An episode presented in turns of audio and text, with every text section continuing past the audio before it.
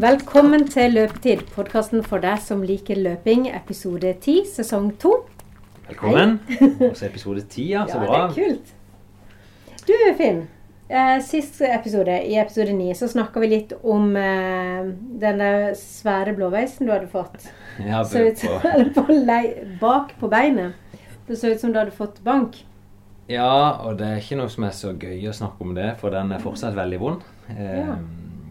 Jeg, du vet at jeg er veldig glad i å løpe, og nå begynner jeg å kjenne på at det begynner å stresse meg litt. Eller Du kan ikke løpe, altså? Ja, jeg, det gikk åtte-ni dager der jeg ikke sprang i det hele tatt. Og da, da så det jo verst ut. Det så jo ut som det var svart der på baksida av låret etter hvert. Og så begynte jeg med sånn kan, jeg jogga ja, ti minutter i helt sånn åtte kilometer i timen. Og så gikk det bedre og bedre. Og så når jeg begynte å prøve meg på noe lett intervall, så ble det verre. Og så er det gått ei uke der eh, ting ikke er noe bedre. Så, men jeg var ute og løp på morgenen sammen med kameraten min. Da sprang vi åtte kilometer. Men det gjør vondt da etterpå. Det gjør det. Etterpå, Du klarer det mens du holder på med det etterpå? at det gjør vondt? Ja, det, det begynner å gjøre vondt underveis, da. Mm. Så jeg hadde jo håpet at liksom, jeg styrer etter smerten, at det gradvis blir bedre. Men det virker som når jeg bikker at det begynner å gjøre vondt, så gjør det vondt lenge etterpå. Ja. Så det er litt sånn status quo. Så nå må jeg begynne å ta det litt mer alvorlig. Jeg Mm. har jo begynt med noen sånne enkle tøye-styrkeøvelser.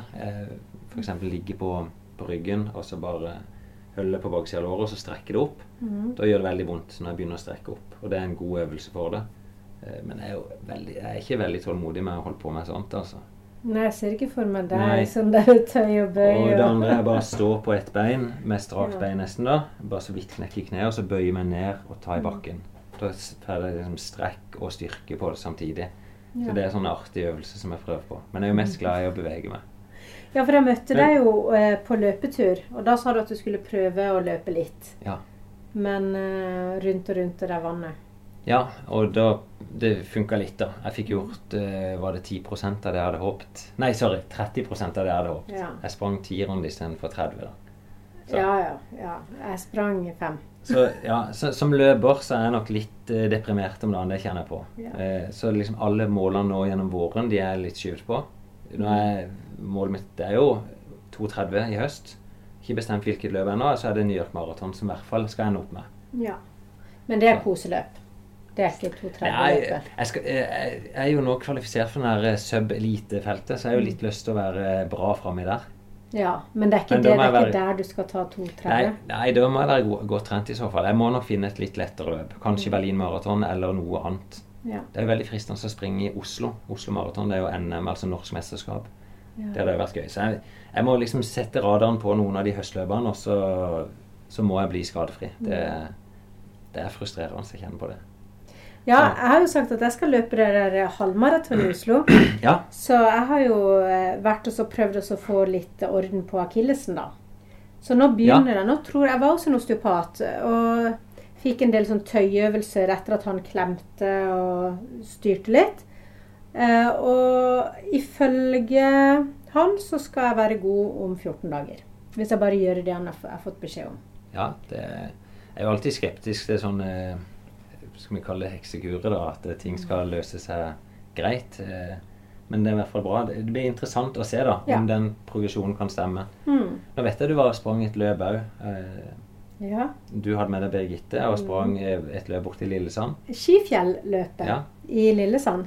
Det, det var for så vidt interessant, for du kontakta meg og sa kan, Øy, arrangøren spør om vi vil være med. Og det er bare en liten halvtime herfra. Eh, og så utfordra vi nei, Birgitte om hun hadde lyst til å være med, og det tok hun på strak arm. Eh, Det var jo, de ble jo egentlig helt feil, for jeg sendte meldinger til deg for å se om du kunne ta med Birgitte. Ja, vet det. Jeg skjønte. Ja, men det var egentlig bedre, så tok du henne med. Mm. Eh, og det var nok ikke rett løp å dra henne i gang på som første løp. Det er jo et veldig tøft løp der borte. Det var kjempete, og det var liksom De var ganske proffe, de som meldte seg på. Ja. Det var ikke, det var ikke husmortrimmen, altså. Nei, det skal vi ikke røpe oss ned godt, men eh, Nei. vant vant ikke i hvert fall. Men uh, du tok med deg opptakeren. Ja. Og kan ikke vi gå inn og høre på, for det er litt artig å være med dyke to gjennom et løp. Ja. Ok, Birgitte. Yes. Du er, er du i familie med Finn Kolstad, siden du møter opp eh, fem minutter før? Vi er definitivt samme typen. For det, nå er jo liksom du mitt ansvar, da. Ja. Det er du som skal få meg gjennom dette, er det ikke det? det er jo Det er jo veldig trygt. Det var godt at de hadde noen trange, gode trøyer. Ja, jeg hadde De syns jeg var freshe. jeg syns vi skal ta bilder av dette, for dette er jo noe jeg aldri har gjort sjøl. Nei. Sånn. På ingen måte. One size fits all passer aldri med. Hadde passa min sønn på ti år, Ja. tenker jeg jeg sier. Og så er det jo noen Du ser jo noen av disse løpedamene, de henger og slenger på dem. OK, greit. Så jeg føler meg sånn passe Jeg har med telefonen. telefon, jeg. Ja, bra. Mm. Eh, Ta med Tror du. Finn blir sur på meg hvis jeg tar med meg vannflaske i mavebeltet? Ja. Da, da gjør du det. Da gjør jeg det. Definitivt. Jeg er litt i tvil om jeg orker å løpe med det. Jeg gjorde det alltid før. Ja, jeg anbefaler deg egentlig å bare drikke den flaska nå. Ja, men da må jeg bare tisse. Ja, og så tisser du litt i skogen. Men du kommer til å så Ja, svette du det. Ja, det er sant det. OK, jeg gjør det. Ok, Jeg skal jo være litt streng. Det er bra. Jeg skal jo være litt sånn eh, Finn Kolstad. Eh, en ting vi må huske på nå, Birgitte, det er at vi kan ikke begynne rolig nok. Nei. Det må vi huske. For det er nok et ganske, det ganske kupert terreng vi skal i. Så vidt jeg har skjønt, så er første delen egentlig bare oppover. Ja, Stemmer det? jeg tror det. Og så vi skal, jeg tror vi skal satse på å gå i oppoverbakkene i godt tempo, og så Ja. jogge resten. Det høres ut som en god plan. Men ja. hva er det vi skal utsettes for i dag? Nei, det er et seks kilometer løp, og det som er viktig nå, det, det går oppover Ja, jeg har skjønt det. Jeg har til du er på toppen. Så du må ta det rolig i begynnelsen, så har du, og så er det ned igjen. Ja, ok. Så det er ganske greit. Første halvdel er Og så må dere ikke gi alt når dere kommer her og så ser stadion og tror dere er i mål, for dere skal rundt den lange 400-meteren her. Å, det var godt Og den er lang! Visst. Ja, Du må huske det. Jeg løp til og med feil på terrengkarusellene. Eventuelt så får vi sinnssykt god tid hvis vi bare løper rett ned til stadion. Nei, det er jo flott. altså Det som er moro, at det kommer noen fra Kristiansand og litt utenbys. for at Vi kan, det, vi har jo veldig fint terreng her. Det har de jo i Jegersberg, og jeg er jo der inne og løper uh, i baneheia. Fantastisk, Ja, ja, altså. Men, Men det er men gøy det er å gøy og litt uh, Ja. ja. Absolutt. Så dette blir spennende. Og det er jo faktisk eh, min første gang jeg er med på et løp, så det er heder og ære å være der til dere. Det er så moro. Så tenk det at du debuterer i Lillesand ja, på løp. Det er jo fantastisk moro. Ja, det er veldig bra. var, vi var Neste år må dere ha litt større singlet. Det er ikke alle som har løpet. Ja, for du har ikke tenkt å gjøre noe med det? Det er vi som skal gjøre Ja. Det er det som gjør noe med størrelsen. ja, ja. Har vi gått inn i løypa? Det er mye oppover. Så vi har hatt Finn sin strategi med å gå i oppoverbakkene og løpe på retta. Eh, Det er tungt. Fin løype, og vi er desidert sist. Nå. Så Birgitte, nå gikk vi forbi en varde her. Jeg vet ikke om det betyr at vi er nådd toppen. Åssen har du det? Jo, jeg kjenner jeg angrer på at jeg ikke tok med den vannflaska. Eh, Men eh, jeg kjenner det var tungt. Bare oppover. Masse oppover, skogstier. Har løpt for mye på mølle. Men eh, nei, det var tungt. Ja. Så får vi se hvordan nedturen blir. Så eh, vi får bare satse på at det er nedoverbakker nå. Hele Yes. veien til mål. Bare en liten oppoverbakke igjen, og så er det rett ned hele veien til mål. Tusen takk! Yeah. Da fikk vi den beskjeden. En liten oppoverbakke. Jeg er litt spent på hva det er. Ja. For ut ifra Svalandsgubben så var de små oppoverbakkene ganske store. Men vi får ta det, og skal gi deg et tips som Finn sa til meg. Ja. Når du er på det tyngste, smil. For om ikke du har lyst til å smile, så er det, så er det akkurat som det hjelper deg. Så når du er langt nede, så må du bare lage et, det feikeste smilet du kan tenke deg. Jeg skal lage et fake smil og tenke på Finn, da. Ja, ja, ja. ja. Nå er publikum på vei ned fra løpet, og vi er på vei opp. Så nå står det to stykker i gul vest her. Og jeg håper det betyr at vi har nedoverbakke igjen. Nå er det på toppen! Nå er det på toppen! Så da er det bare å løpe ned. Nå er det bare nedover igjen. Så bra. Ryggen der og så til høyre. Det står godt skilt der. Rett de der, så er det bare nedover. Så fint. OK, Birgitte. Da kjører vi på. Yes.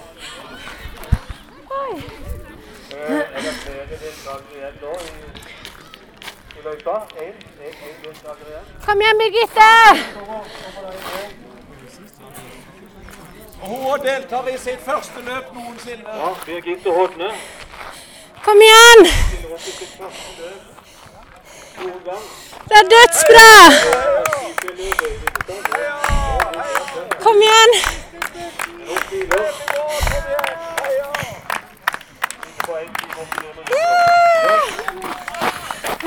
Åssen føles det?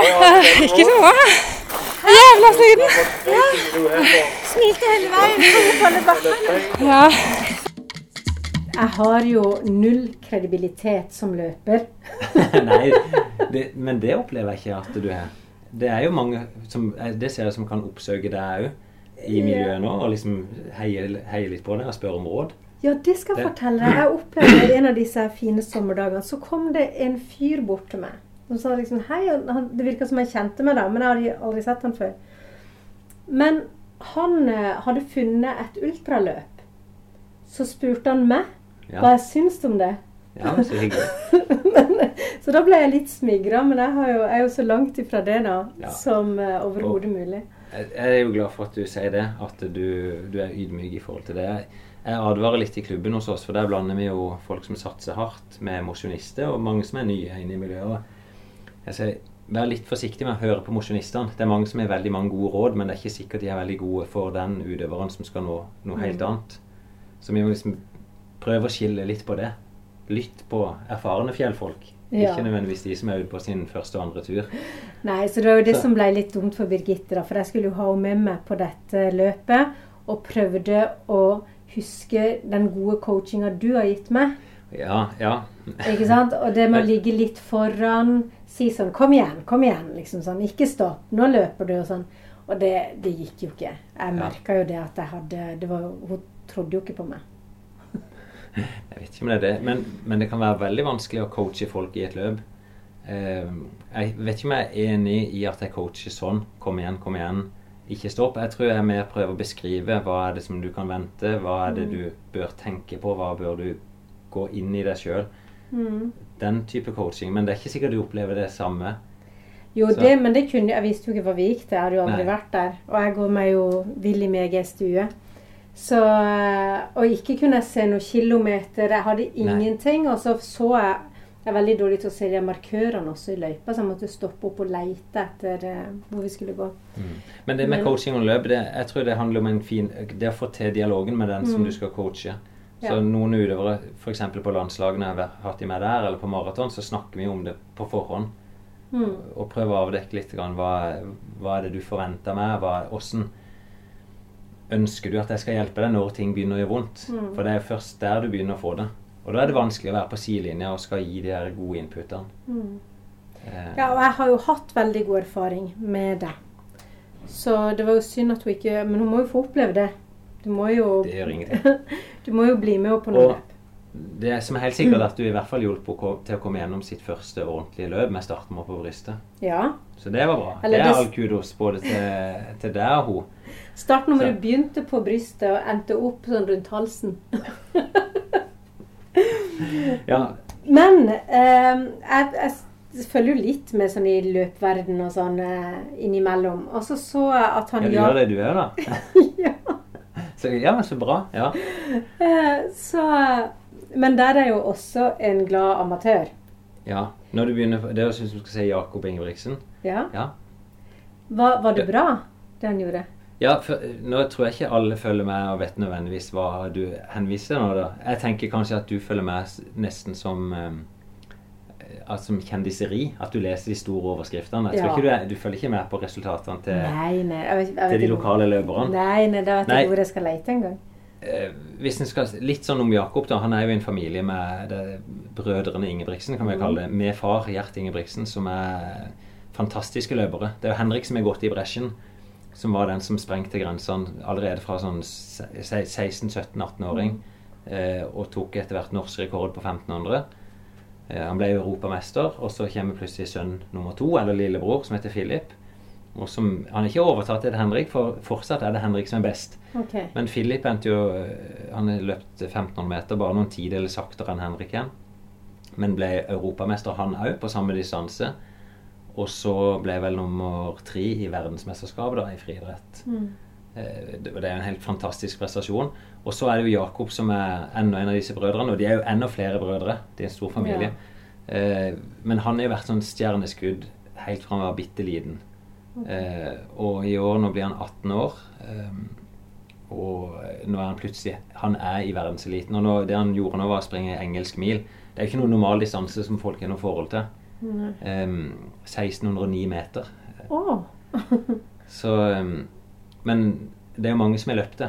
Eh, og noen stevner i året så løpes dette. Eh, og det er verdensrekord der, og det er norske rekorden. Nå sprang over 3.52, som er under den gamle norske rekorden. Men Henrik Ingebrigtsen, er storebror, det er han som har den norske rekorden nå. Men bare ja, snaue to sekunder kjappere på 3.50. Eh, så det Jakob gjorde der, det er helt rått. Og, og viser egentlig bare at han har tatt enda et nytt steg fram. For det er klart, hvis du da begynner å se hva er han faktisk passert på på 1500, så er jo det fortere enn han har løpt noensinne eh, før. Og så kan du jo se litt på hvem er det han løp sammen med, hvem er det han slo, og sånn, selve gjennomføringen, og der han hadde en fantastisk avslutning. Så de åpna litt rolig, og så avslutta veldig hardt. Så, så hva han har løpt siste 1500, kan en jo spekulere på. Kanskje 3.34-3.35. Og da er du en internasjonal storløper. Og hvis det er noen litt eldre folk som hører på, så vet du at eh, den, den 1500 meter norske rekorden, det var en som het Lars Martin Kaupang som hadde den, den sto jo i om det var rundt 30 år før Henrik tok den. Den var på 3.37. Og nå er det plutselig en 18-åring da som springer fortere. Det er. Så dette er bra. Ja. Og så er det, det er jo mange som diskuterer hvor god kan Jakob bli. Nå er han jo definitivt Han er internasjonal Han er internasjonal stjerne nå fordi han gjør dette sånn i ung alder. Eh, og det er liksom fascinerende der storebror er fortsatt best. Eh, og jeg har sammen med en på jobb vi er vedda om vil Jakob bli bedre enn storebror. Eh, Kan du si om det vært derfor eller imot? ja, det, ja, det kan det. Jeg, jeg foreløpig vedda på Henrik. For det er noe med det å trå veien først sjøl og være den som, som virkelig faktisk må bryte igjennom. Eh, jeg har i hvert fall utrolig respekt for den jobben som Henrik gjorde der. Og så vil kanskje de bak, hvis en skal si det med litt sånn flåsete, at eh, de blir kopier. Og kanskje da kopier er ofte en litt dårligere versjon enn originalen. Ja. Eh, så, men du skal ha med deg noe mer da, for å klare å sprenge forbi det broren har gjort igjen. Så derfor har jeg liksom vedda eh, på Henrik. Og fordi det han har gjort, er så bra. Eh, så får vi se. Det, det, ingenting ville glede meg mer enn at jeg tok feil. For hvert år som er gått, så er han egentlig overgått hva jeg trodde var mulig. Og, men heldigvis er jeg jo en sånn type som har trua på folk òg. Og jeg applauderer jo når folk eh, lykkes og presterer. Så dette er bare gøy. Og så eh, til det motsatte av å lykkes, så har det jo vært en del sånn der eh, husker Du var jo i, eh, Ken Kenya Ja. og, eh, nå i begynnelsen av året. Så har det jo vært masse sånn her eh, dopingsaker Ja, og sånn i løpmiljøet og sånn. ja og det er trist. Ja, hva, tenker, hva, hva gjør det med liksom din eh, eh, Liksom ditt løpehjerte når du Ja, hører om dette det- her? Nå ble jo han Aspel Kiprop Han har jo vært eh, jeg det en av verdens beste i mange, mange år. Og eh, det er det trist på et vis når de storhetene blir tatt for juks. Du, du mister jo trua på om er det sånn av de neste som kommer, er det juks der òg. du lurer òg på om de resultatene han har oppnådd før, var det òg juks. Ja, når begynte det liksom Ja. å bli juks? Ehm, og det var trist, og i hvert fall når jeg har vært nede i Kenya og opplever at det, det er så naturlig som det kan få blitt. Det er folk som de jobber seg opp fra slummen nærmest, og så inn og løper og løper og holder på over mange år. Og da må jeg si fortsatt jeg, jeg tror jo at sånn i utgangspunktet så er Kenya rent, men jeg tror det de legger fram Jeg var jo på et trenerseminar med bl.a. Antidoping Kenya. De peker jo ut mot Vesten og, og sier slutt å sende disse managerne som doper utøverne våre. Ja. At de er litt der. Og så vet jeg jo Sannheten ligger kanskje midt imellom, da, men i desperasjonen kan Nå spekulerer jeg. Der Kiprop har hatt en vanvittig karriere, og så er den på vei mot å gå mot hell. Kanskje han har latt seg friste i, i sånn siste håp for å få dette til å vare litt lengre. Og så er det selvfølgelig noen som til, velger å ta snarveien.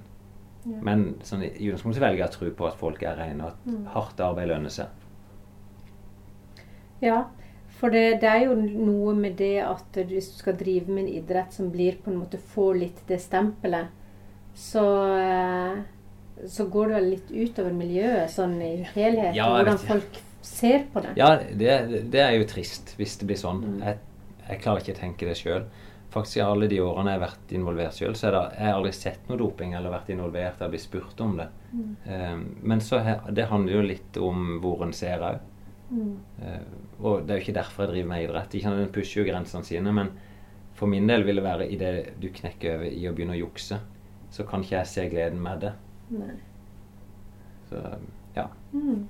Ja, det var alvorstale. Men du, det var det. Ja. Eh, vi har jo fått inn eh, leserspørsmål som vi har fått før, som dreier seg Ja. om puls og trening. ja. Og det er jo noe som på en måte aldri går av moten, i hvert fall. Nei, det hvor- det håper jeg. Det- Det å ha puls når du løper. Nei, det er sant. Nei, puls skal du ha. Jeg, jeg kan jo ta um, den første spørsmålet. Det var en som Mm. ønska å være anonym. Ei, var det vel. Hun, eh, ja, hun skriver her Jeg har løpt to løp. Um, og i begge løpene så har hun stilt klokka så ikke hun kan se pulsen sin. Og dette vet jeg ikke om det er fordi hun har hørt det, så at jeg ikke bryr deg for mye om puls. Da den er så høy pga. nerver at den ikke er realistisk i mine øyne. Har bare løpt på følelse. Det er fint. Jeg, det syns jeg er helt ok. Men når jeg ser på kurven etterpå, er den skyhøy hele tiden. Har testa makspulsen mange ganger, endt på 207. Og så ser hun at når hun løp det siste løpet, så var den oppe i 209. Trodde jeg skulle dø. Eh, ja, trodde jeg skulle dø på 207, så 209 var i hvert fall døden nær. Også nå smilefjes. Hvordan bør pulsen være under et løp, og hvordan bør jeg trene når jeg takler så høy puls for å bli en bedre løper? Så jeg har jo lagt med pulskurven. Um, ja, godt spørsmål. Uh, kjemperelevant. Og så er det er vanskelig å bare gi et sånn kort svar. Hvordan bør pulsen din være? Uh, og hun, egentlig, hun har jo analysert seg sjøl litt for å si at pulsen er urealistisk høy, eller kan være urealistisk høy under et løp. For da bringer du inn nerve. Og jeg syns et godt eksempel er hvis jeg skulle dratt deg opp i fallskjerm, da, hoppe fallskjerm nå, og du sitter i det flyet, og rett før du skal opp og ut, så ville kanskje du hatt makspuls uten å gjøre noen ting. Sant? Det å sitte i en stol normalt ville kanskje innebært at du hadde 60 i puls, mens rett før du skal hoppe uti, så vil du kanskje ha 220 for din del. Og det betyr jo at eh, hormoner og nerve det påvirker pulsen din. Det skjer òg i en konkurranse. Um, så det, når noen spør hvor høy puls skal jeg ha i konkurransen, ja, det vil avhenge hvor nervøs du er. Og nesten alltid når du er nervøs, eller når du springer konkurranse, så vil du bringe inn nerveelementet. da. Så det fins ikke noe godt svar. Jeg vet ikke om jeg har vært inne på det sjøl, men eh, en av Norges beste maratonløpere testa jo dette litt på seg sjøl for noen år siden. Der han hadde funnet ut på forhånd hva han måtte ligge på på maraton for å tåle ei gitt tid. Eh, hvilepulsen hans var rundt ja, noen og 30 til vanlig. Men da, når han ligger i hotellsenga si før han skal løpe det maratonet, så er han over 100 i puls. Mm. Og skjønner ok, da er du 70 slag høyere puls på hvile. Og når han sprang maraton, så stressa jo det han at han hadde 10-15 slag høyere enn det han trodde var mulig. Så da fikk han enda høyere fordi han var stressa for det. vet ikke nødvendigvis det, men det ga han i hvert fall en veldig dårlig følelse. Mm. Eh, og han klarte å fullføre det maratonet og klarte målet sitt. Eh, men på trening så vil han ikke klare å ha den pulsen. Da vil han surne bort. Mm. Så, så derfor er dette et sånn nesten umulig svar å gi hvor høy puls. Men vi kan snakke litt om puls og trening. For Mm. det eh, Det er litt i den stilen et annet leserspørsmål. Jeg vet ikke om den personen ønsker å være anonym, men det var en ivrig lytter i hvert fall. Hørt alle episodene to ganger. Kjempesmart. Livredd for at jeg går glipp av noe. Venter stadig vekk på at jeg legger ut flere episoder. Ja, hører til de som elsker å trene. Finner heller unnskyldninger for å trene enn for å ikke trene. Det er jo hyggelig, da. Har alltid trent mye, men tror nok jeg trener mye lapskaus. Og er flink og er ikke flink med restitusjonsdelen. Ja vel. Tatt laktattest på mølle, funnet, funnet mine treningssoner. Funnet program på Løplabbet sine sider som beskriver øktene med soner som jeg nettopp har starta på. Problemet mitt er at jeg synes det er skikkelig vanskelig å holde meg i sone 1 på løpeturer. Og sone, det kan vi komme tilbake til. Synes det nesten er tyngre når det går sakte enn når jeg får litt fart i kroppen. Jeg bikker alltid over tre til sju slag på sone 1. Hvis ikke må jeg gå i perioder. Er det greit å gå over i sone 2 på sone 1-trening, eller ødelegger det det hele opplegget? Ja, så Litt analyse. Jeg vet det høres veldig sært ut, men jeg motiveres veldig av å følge en konkret plan. Ja.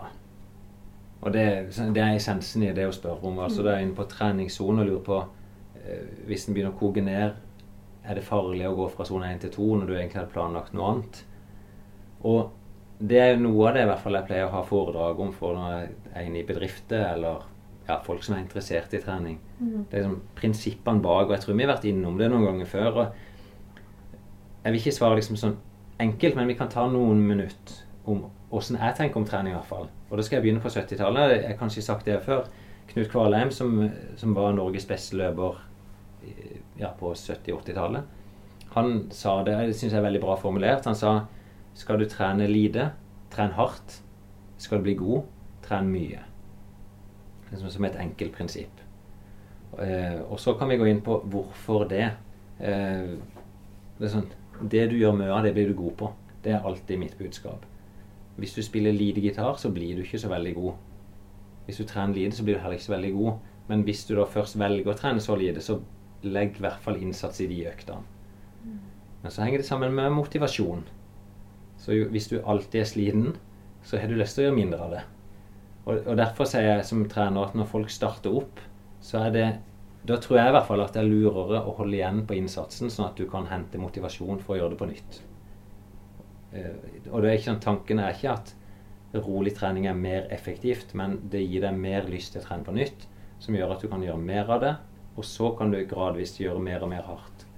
Og da tenker jeg ofte at opplevelsen av å trene hardt er bedre når du har trent deg opp til det, enn når du bare går liksom tomhendt inn i det. Mm. Og så er det disse sonene, da, for det er jo det som begynner å stresse litt folk. At folk de vil gjerne måle effekten. De sonene er jo laget for å ha et felles språk om trening. Sånn at jeg kan fortelle deg at uh, den økta skal være så og så hard. Uh, Olympiatoppen er delt inn i ja, de, de kaller det vel sånn fem aerobe-sone, altså kondisjonssone. Og så er de soner òg som beskriver litt når det blir enda hardere enn det. Polar er sin egen skala, Garmin er sin skala. Dette er jo merket på klokker, da. Ja. Mm. Um, og jeg syns det blir liksom i overkant komplisert. Uh, jeg synes, Hvis vi går tilbake til samme Knut Kvalheim, han er jo trener i Tjalve og trener veldig mange av Norges beste løpere. De har et språk med tre soner som folk tror jeg kan relatere mye bedre. Som er de er rolig, moderat og hardt. Mm. Og da er det litt sånn Hvis jeg spør deg er dette rolig, føles dette rolig? Hvis du er i tvil, da, det er det så er det ikke rolig. Mm. Og hvis du er ute på ei hardøkt, og jeg sier Presser du deg hardt nok nå? Hvis du er i tvil, nei, så gjør du ikke det. Mm. Så det er liksom litt der. Og moderat, da er det midt imellom. Det kan være Det syns jeg det er nok språk for å snakke om trening. Mm. Eh, og puls, da, pulsøkning, den er linær. Altså vi skal beskrive det, er jo at hvis du øker farta med 1 km, så øker pulsen med et gitt antall slag. Men det, det, er forskjellig fra person til person hvor mange slag. Altså hvor bratt den økninga er. Men øker du en ny kilometer, så øker den med et nytt antall slag. Og makspulsen din, den er satt? Den, den, er, kan, den, er, den kan, du ikke gjøre noe med. Um, hvilepulsen påvirkes jo av trening. Mm. Så sånn generelt kan du si at jo bedre trent, så vil hjertet bli større, og du trenger ikke så mange slag, eller større, kraftigere. Trenger ikke så mange slag for å gi deg nok blod til mm. kroppen. Og maksen er gitt. Um, men da, disse sonene, da, det er jo bare sagt sant, at akkurat som skostørrelse nærmest, sant, så, så, så, sier de at ok, dette er rolig, dette er moderat, dette er hardt. Og så er det mellomsone mellom dette. Men det er ikke sånn for kroppen at uh, den merker som et gir, at nå girer det om fra sone 1 til 2. Mm. Det er bare helt sånn glidende at du øker innsatsen. Du, får, du, produserer litt mer laktat. Hjertet slår litt fortere. Og, og, det er bare en helt glidende overgang. Eh, mm. og så vet vi noen sånn fysiologiske ting som skjer. At på en gitt innsats så begynner melkesyreverdiene dine å stige. For det er jo eh, som en egentlig konsekvens av at eh, muskulaturen klarer ikke å hente nok oksygen fra blodet, så begynner den å skape energi uten å bruke oksygen. Men da får du syre som er et sånn restprodukt av det. Og det klarer du ikke å holde lenge. Ja, du kan holde ganske lenge. Eh, Du, du vil liksom gradvis eh, Når du begynner å til, altså, jobbe med mer anaerobe prosesser, som de kalles, så vil du fint kanskje holde et halvmaraton med ganske stort bidrag anaerobt. Ja. Men så, så er det noe som De er jo definert det vi kaller anaerob terskel, som, der du, du produserer mer laktat eller mer melkesyre da, enn det kroppen klarer å fjerne underveis. Det er noe som er satt liksom, det er et nivå. Eh, Og det er jo det ofte målet på kondisjonstester. Hvor fort kan du løpe før du knekker over der? Når du er der, det er en innsats du kan holde òg ganske lenge. Jeg tror at det var bare sånn fem minutter du kunne holde der. Nei da. Det Da kan sånn- du ofte Altså idet du ligger der, så kan du kanskje holde det ca. en time. Ja, okay. Men jo bedre trent du er, jo lengre klarer du. Og det, det handler om hvis du ligger på det punktet, så vil du kanskje kollapse muskulært. Mm. For du er ikke trent godt nok til å holde det. Ja. Men det oppfattes normalt som sånn halvubehagelig. Det er ofte det vi snakker om liksom lett feber. Det gjør ikke kjempevondt. Du, det sånn, du må jobbe litt med deg sjøl, og, og du kan fortsatt holde en, en viss dialog med de du trener sammen med. Jeg kan så vidt holde det med sånn lav eh, Ja. intensitet. Men det er jo da egentlig Det å ha Vi har sonene for å snakke et språk, men kroppen oppfatter ikke når du knekker fra sone til sone. Og det er ikke sånn heller at fordi om du vipper forbi anerop terskel, at det skjer noe fysiologisk Nei. som er ille. For det at eh, det er mer sånn Hva er hensikten og effekten av den, den ulike typer treninger, da? Og jeg som trener bruker dette for å kunne snakke med utøverne mine, planlegge trening. At vi trenger en viss, et visst volum på treninga, og så må du ha et visst antall hardøkter. Og de hardøktene skal være tøffe og harde. Og hvis du da dukker opp på ei hardøkt, og så er du sliten fordi du sprang for fort på ei rolig økt, da begynner ting og da, Det er da du kan begynne å kalle det lapskaus. Mm. At du kan ikke gjennomføre etter den hensikten du gjorde fordi at den forrige økta di heller ikke ble gjort etter hensikten. Men kan det ikke være litt sånn dagsform også? Jo, jeg skal bare ta litt Ja. om det. For det at hvis du tenker at eh, det kan være lurt å skille type trening At du har noen rolige dager for å på et vis hente deg inn etter de harde, men òg for å trene opp det å holde ut lenge. Eh, det mange har en tendens til, sånn som hun skrev i dette leserspørsmålet, å springe litt for fort da, på, på de rolige øktene. Det som ofte er konsekvensen, at du springer litt for sakte når du skal trene hardt. Og så blir konsekvensen at du ofte bare ligger sånn midt imellom. Og da får du ikke den gode effekten av den harde treninga. Mm. Du vil fortsatt få effekten av den rolige treninga, men har, den treninga som virkelig skal løfte deg, den er du ikke i stand til å gjøre fordi du er litt for sliten. Mm. Så derfor prøver vi å skille litt på hva I dag er det rolig fordi du skal hente deg inn, fordi du skal på varighet. Og i morgen er det hardt, og da må du være i stand til å gjøre det hardt. Og så snakker du om dagsform, og da Det er da det begynner å bli vanskelig i treningsgruppe, da, med faste dager på fellesøkter. Om er du klar til å gjøre hardøkta i dag? Eh, Jeg syns Sondre Nordstad Moen beskrev det veldig godt i Kenya, for han sa at eh, hvis jeg er i tvil, så må jeg bare bli klar. Da hviler han mer, spiser bedre. Liksom Han gjør alt som han kan for å være klar til den hardøkta. Han spør seg på morgenen, og ikke rett før han skal ut og løpe.